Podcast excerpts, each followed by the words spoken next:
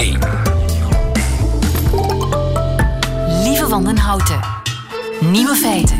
Dag, dit is de podcast van Nieuwe Feiten van woensdag 28 maart, waarin we geen aandacht besteden aan de masturbatieboete voor mannen die een politica in Texas wil invoeren. 100 dollar per keer, Kleenex-tax. En wie Viagra wil, die moet eerst 24 uur wachten. Het wetsvoorstel is vooral bedoeld als symbool om de dubbele moraal aan te klagen van de Texaanse wet, die heel streng is voor abortus. Jessica Farrer van de Democraten, die het voorstel lanceert, wil de mannen een koekje van eigen deeg geven. Maar voorlopig blijven de Texaanse mannen dus baas over eigen buis. De nieuwe feiten vandaag zijn Spaanse spionnen hebben wellicht een GPS-tracker aan Puigdemont zijn Belgische auto gehangen. Slechte wegen maken dik. Mark Rutte heeft een vrije tijdsuniform en in de Kempische wijk Kijkverdriet is nauwelijks internet. Geniet ervan. Lieven van den Houten. Radio 1. Tja, James Bond in Waterloo, of moet ik zeggen Juan Bondes, want het is Spaans spionagewerk geweest in België dat naar de arrestatie heeft geleid van Carles Puigdemont in uh, Duitsland. Kenneth Lazoen, goedemiddag. Goedemiddag. Kenneth, jij bent veiligheidsexpert van de Unie van Gent.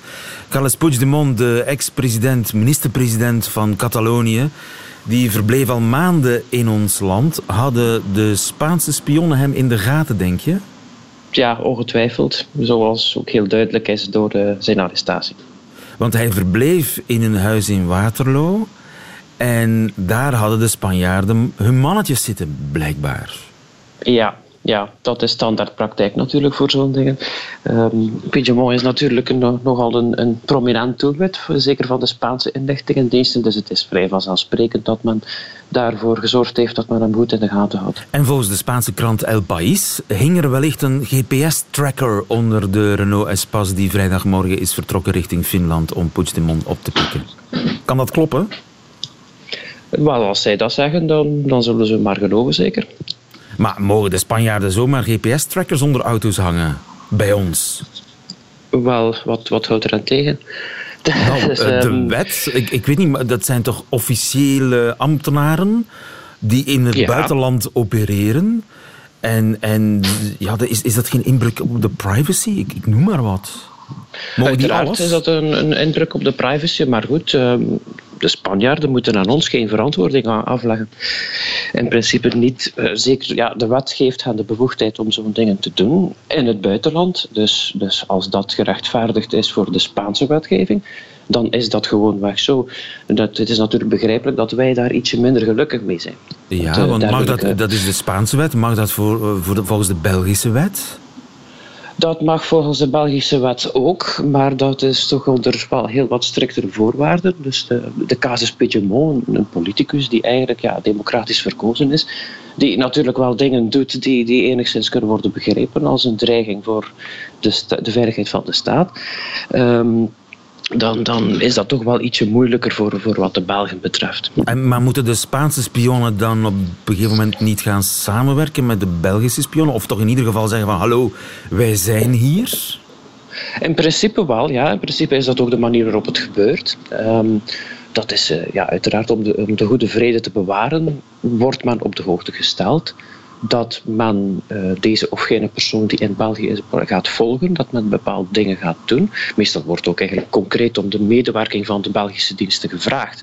Dus worden zij gevraagd om dergelijke dingen te doen um, als dat dan conform de wet is, voor wat de, de, betrokkenheid van de Belgen betreft, dan gaan de Belgen daar ook aan meewerken. Ja, Uiteraard, als maar de Belgen ik, zeggen, neem dat, niet.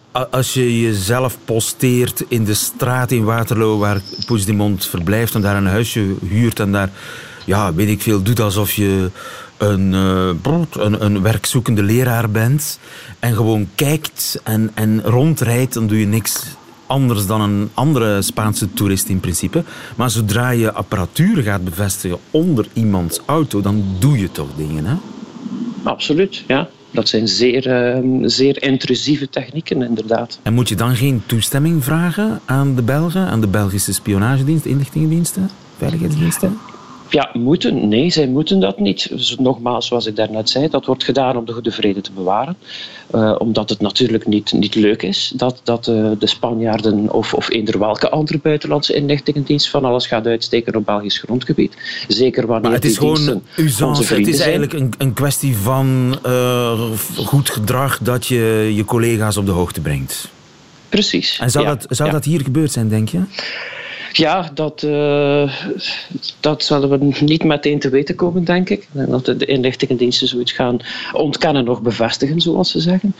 Het lijkt erop dat dit een soort van ja, een geval is waarbij het mijns inschatting ietsje moeilijker zou geweest zijn voor de Belgische diensten om hierin te willen meedoen. En dat de Spanjaarden dan maar hebben beslist, gezien het feit ook dat, dat, dat eigenlijk enigszins door ons werd, uh, ja, een, een, hand boven het hoofd wordt gehouden, dat wij het, het, het arrestatiebevel niet wilden uitvoeren en dergelijke meer. Ja. Dat de Spanjaarden eerder hebben beslist om Cavalier Seul te spelen, ja. zoals wel vaker gebeurt. En zouden wij in Madrid Cavalier Seul mogen spelen?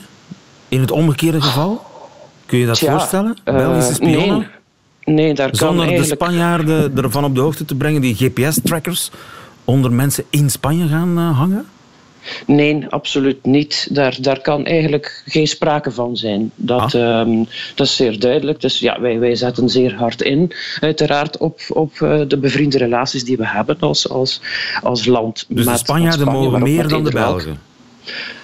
Ja, blijkbaar wel. Hè. Ja, dat, is, uh, dat zijn afwegingen die gemaakt worden. En, en, wat de Belgen betreft kan het absoluut niet zijn. Er kan er geen sprake van zijn dat men eventjes gaat beslissen om dat te doen. Men zal daar altijd de, het betrokken land van op de hoogte brengen. Ja, zelfs gewoonweg vragen om zelf die methode uit te voeren. Ah ja, wij zijn uh, in plaats van dat de Belgen beleefder, dat doen. als het ware. Jazeker, we zijn een, klein, klein landje en, en het zou, het zou niet, niet leuk zijn voor onze PR als wij zouden betrapt worden op dat soort van spionage. En, en de Spanjaarden zitten nog in een, in een roemrijk verleden wat dat betreft. Ja, de Spanjaarden die hebben nooit uh, bijvoorbeeld de neutraliteit opgelegd gekregen, zoals dat in onze traditie wel is ingepakken. Dus de Spanjaarden die zijn hun eigen mogendheid, die hebben hun soevereine bevoegdheden. Die gaan natuurlijk een beetje anders om met inlichtingen dan wij. Ze, ze, doen dat dan ook, uh, ja, ze, als land bestaan zij veel langer en hebben zij ook al langer spionnen. Ja, ja, gewoon bondes in uh, Waterloo als het ware. Dankjewel Kenneth Lazoen, goedemiddag. Graag gedaan. Radio 1. De, de, de, de Nieuwe feiten. Netflix kunnen ze niet naar kijken. Mobiel bellen, tja, alleen als de zon schijnt. En internetten, bijzonder traag gaat het. Ze zitten namelijk in een dode hoek van de high-tech in de wijk Kijkverdriet. Hoe toepasselijk kan een naam zijn in Ravels in de Kempen? Proximus werkt aan een oplossing. Ze gaan namelijk het bestaande signaal versterken met 4G, maar in afwachting daarvan blijft het bijzonder stil in Kijkverdriet, constateert onze reporter Brecht de Wolder. Dat is gewoon hier aan deze, aan deze boom hier. Hier is de beste plaats voor te bellen. Ja, een beetje openere plaats en uh, dan kunnen we het beste bellen, ja. ja. Het heeft zijn voor- en zijn, en zijn nadelen van te wonen op de kijkverdriet. Uh, het voordeel is, het is rustig. Uh, weinig last van, uh, van de drukte en, en het verkeer. Maar het nadeel is ja, weinig ontvangst, weinig internet. We wonen hier op een boerderij, dus we hebben varkens. Dus alleen zijn we hier zeker niet. Eerste bankverrichtingen, dat was ook een probleem, want als je halverwege was, hup, viel alles weer weg. Geen internet, elke keer hetzelfde. Juist s'nachts of s'avonds na 11 uur, 12 uur. Dan werkt internet het best. Dan, dan werkt het beter, ja. Gelijk voor personeel in te geven en zo was dat altijd een probleem. Dan moest ik altijd, ja, dat moet ik nu nog. S'avonds heel laat. Ja. Dit is waar je dan s'avonds in de zetel ploft. Ja, dat is waar. En denkt van, uh, ik ga even naar televisie kijken. Ja. Uh, als het uh, een heldere goede dag is, dan is dat geen probleem. Maar uh, als er sneeuw of, of bewolkt weer is, dan, dan is dat moeilijker, ja. Dan heb je geen televisie? dan, dan valt die met momenten weg, ja. ja. 2018. Dan is er gelukkig internet, hè? Natuurlijk, dan kunnen we daar dan op wachten. Hè. Het is eigenlijk niet meer weg te denken in deze moderne tijd, maar ja, als het er niet is, kunnen we niet verder. Hè. Oké, dus uh, het komt niet met een breedband binnen. Hm. 3G, 4G, 5G? nee, het enige breedband dat we hier hebben is, uh, is op onze tractor. Oei, die grap heb je al vaker gemaakt. Ja, dat is waar, dat is waar. Er ligt wel een telefoonlijntje, maar voor de rest uh, is hier weinig. We hebben wel internet, maar dat is heel primitief en zeer traag. Dus als andere mensen hier iets uh, op de computer willen doen, dan, uh, dan kunnen ze dat niet geloven dat dat zo traag werkt. Ik heb hier ook een beetje verder nog een woningsje dat ik verhuur. En die mensen die zijn speciaal verhuisd terug omdat gewoon geen spelletjes of niks via het internet te doen waren. Dat duurde allemaal veel te lang. Video? Video's, ja. Hm. Daar maken wij weinig gebruik van. Ja. We, we, passen ons er natuurlijk aan aan, dus uh, we weten dat. Dus uh, de mails en, uh, en, de bestellingen doen we natuurlijk overdag. Omdat dan de ontvangst iets beter is. want als we dat s'avonds moeten doen, zijn we niet zeker dat de mail vertrokken is. Kijk, hij is het aan het laden. Ja, inderdaad. Ja, dat is laden. dat is laden, ja. Ah ja, oké. Okay. Dus Radio 1 sessie Spinvis integraal. Het is inderdaad niet wat je zegt, snel. En weer laden. Dus veel video bekijken niet op je nee, computer. Nee, dat, nee, nee, nee. Daar gaan we weer een stukje.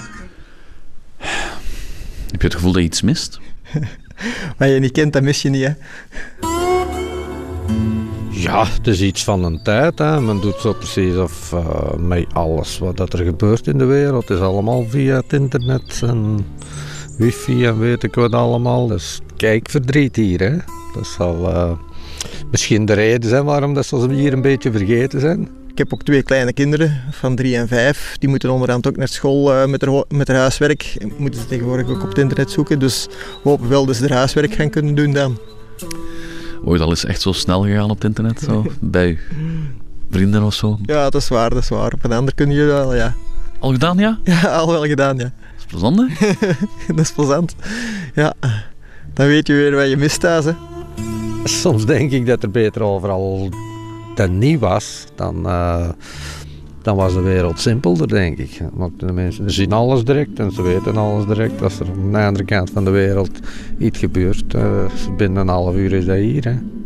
Dan staat dat hier al op de tv of, of bellen ze of, of weet ik het. Dat ga je allemaal direct. Hè. Te veel misschien, hè, dat de mensen niet meer weten waar dat ze staan, denk ik. U weet waar u staat, hè? U staat in... Ravels op kijkverdriet, hè. Lekker rustig. Ja, is terug. Geniet verder van de rust, meneer. Dank u wel. Nieuwe feiten. Putten in de weg maken je dik, dat zegt de Nationale Gezondheidsdienst in de UK. Lia van Beckhoven, goedemiddag. Goedemiddag, lieve. Onze vrouw in Londen, ja, ik dacht je kunt erover struikelen. Uh, je rijdt er je fiets op kapot. Uh, maar dat je er dik van wordt van putten in de weg, dat is nieuw voor mij. Hoe kan dat? Lieve, dat zit zo. Uh, als je putten in de weg hebt, je hebt veel gaten in de weg, dan blijven Britten thuis. Die komen dan de straat niet op. Nou zijn de Britten al de dikste van Europa. En er is de Britse regering er veel aan gelegen om die mensen van de bank te krijgen de deur uit. Maar die zeggen, wij gaan de straat niet op op de fietsen. Die gaten in de weg maken het gewoon te gevaarlijk. En daar zit wat in. Uh, de schatting hier is dat per jaar 50 fietsers in Groot-Brittannië verongelukken vanwege de slechte wegen. Is het zo dus erg gesteld met de, de Britten? Want ik herinner mij van mijn vakanties in Engeland uh, echt biljartlakens. Maar misschien was dat alleen in Zuid-Engeland. Nou, 12% van de Britse wegen, dat is een paar jaar geleden, uh, de cijfers die ik heb uh, kunnen bekijken, die, die, die verkeren in treurige staat. er is zeker achterstallig onderhoud aan nog veel meer wegen.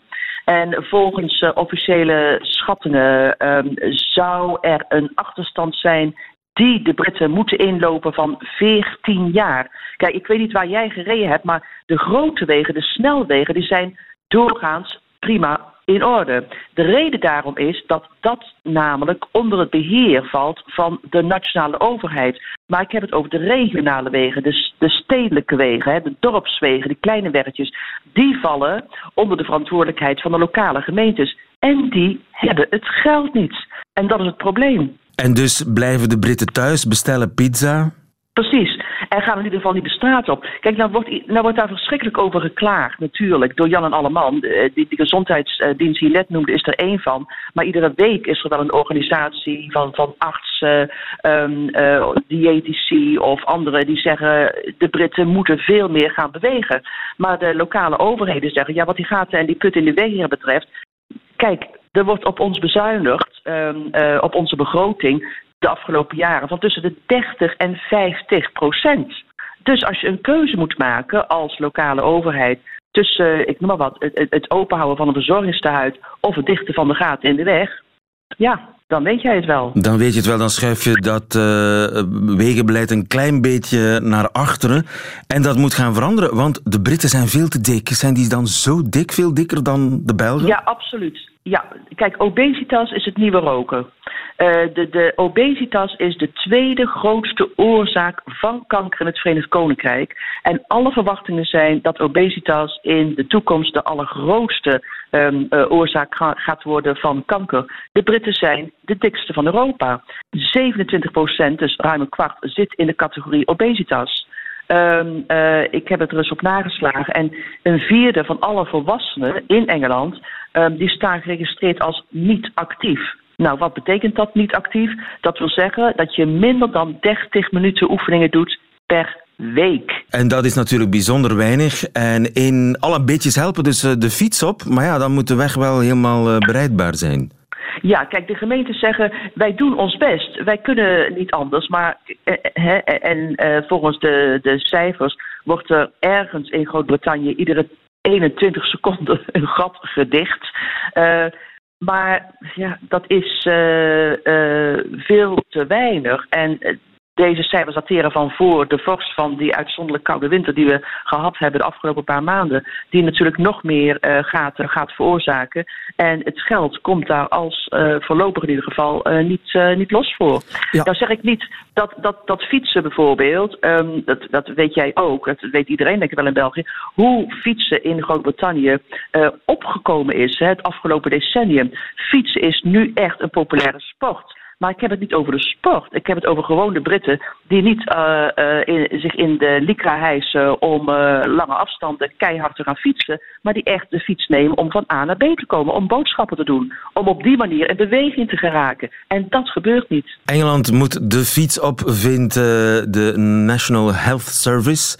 Maar daarvoor moet er eerst nog een beetje aan de wegen worden gewerkt, zeggen ze in een noodkreet. Lia van Beckhoven in Londen, dankjewel. Goedemiddag. Bla, bla, bla. Nieuwe feiten. Bla, bla, bla. Radio 1.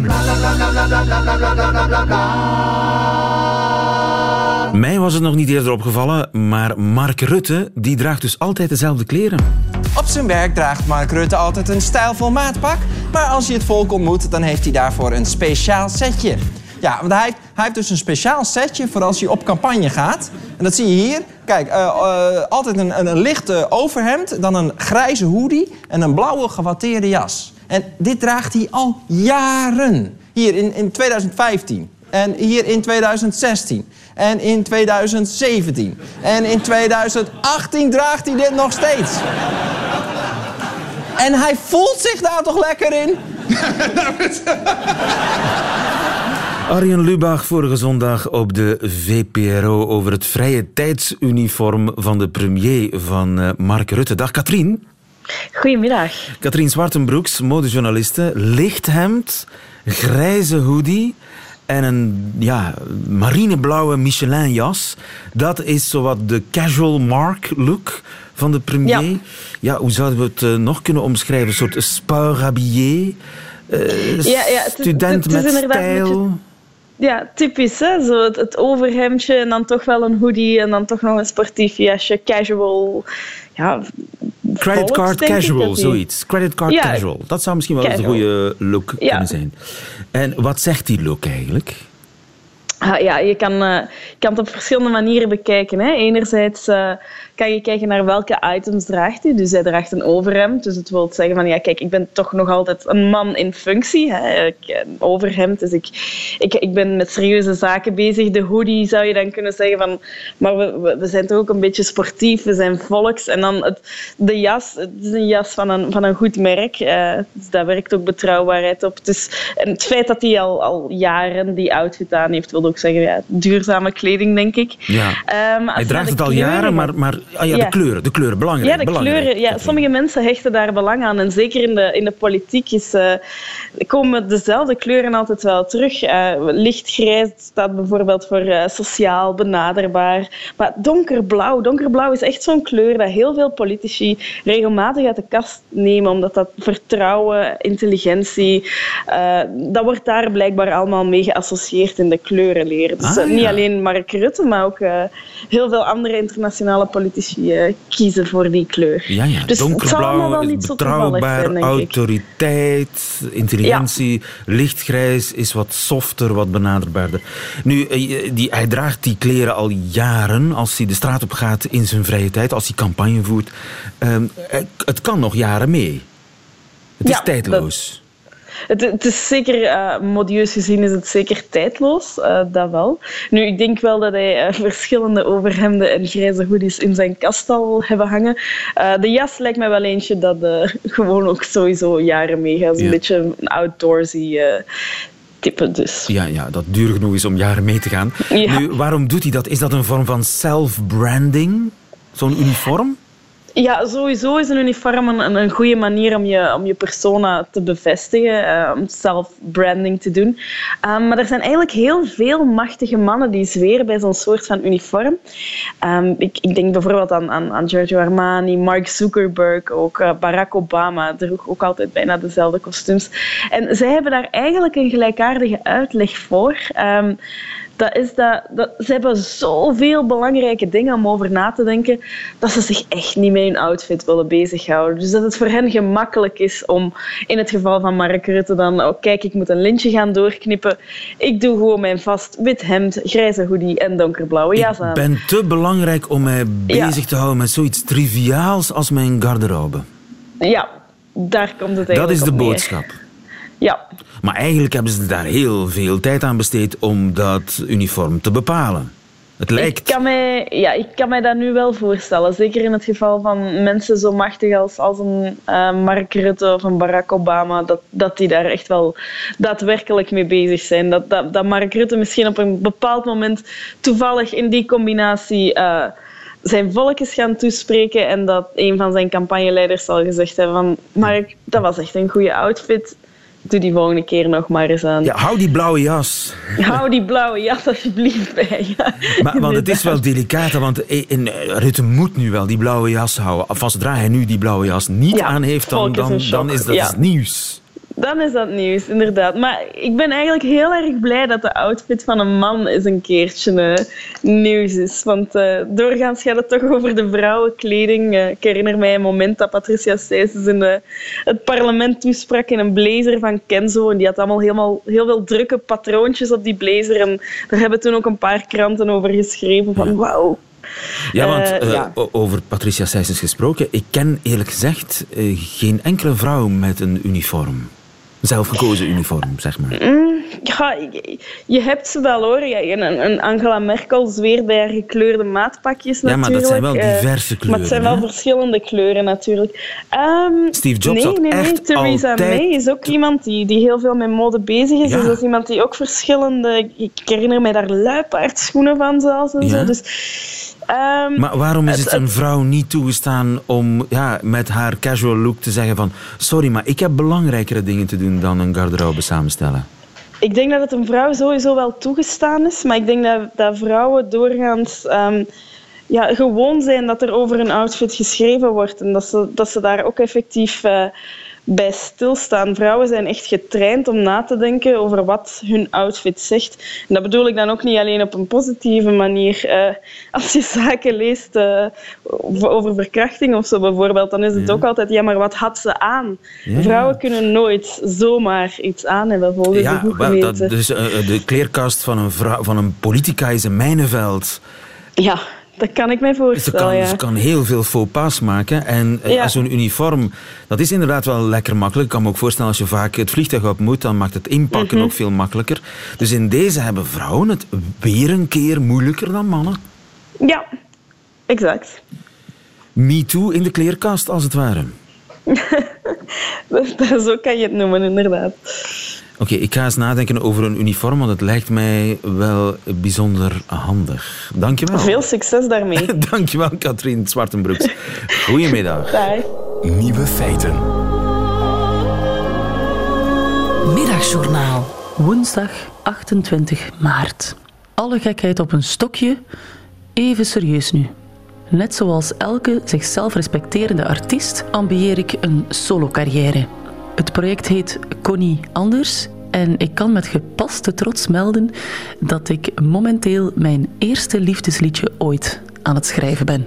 Misschien toch even kort een primeur hier dan alvast een kleine teaser.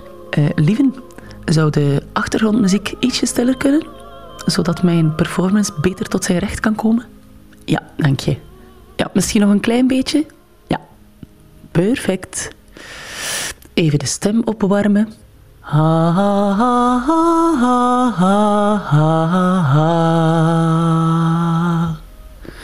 Oké, hier gaan we. Het refrein gaat als volgt. Je bent mijn hobby, je bent mijn passie. Ik vind je moeilijk, maar dat is perceptie.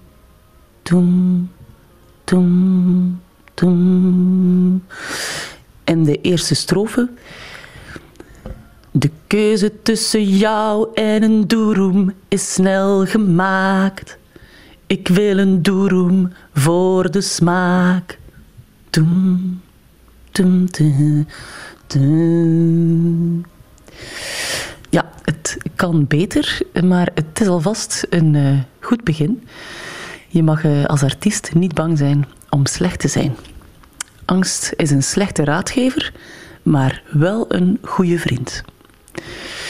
En voor ik verder schrijf aan het nummer, zou ik me even willen richten tot mijn collega-songschrijver Johan Verminne, die ooit het nummer Ik wil zo graag de wereld zien zong. Ik wil, ik wil, ik, ik wil, ik wil, ik, ik wil de wereld zien.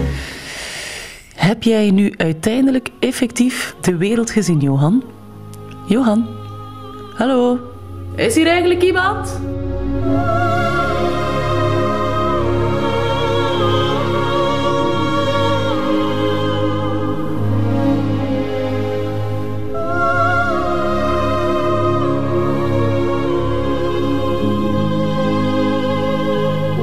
Middagjournaal van Sarah van Deurzen. Het einde van deze podcast van Nieuwe Feiten. U vindt er nog veel meer op radio1.be en op de gebruikelijke podcastkanalen. Tot nog een keer.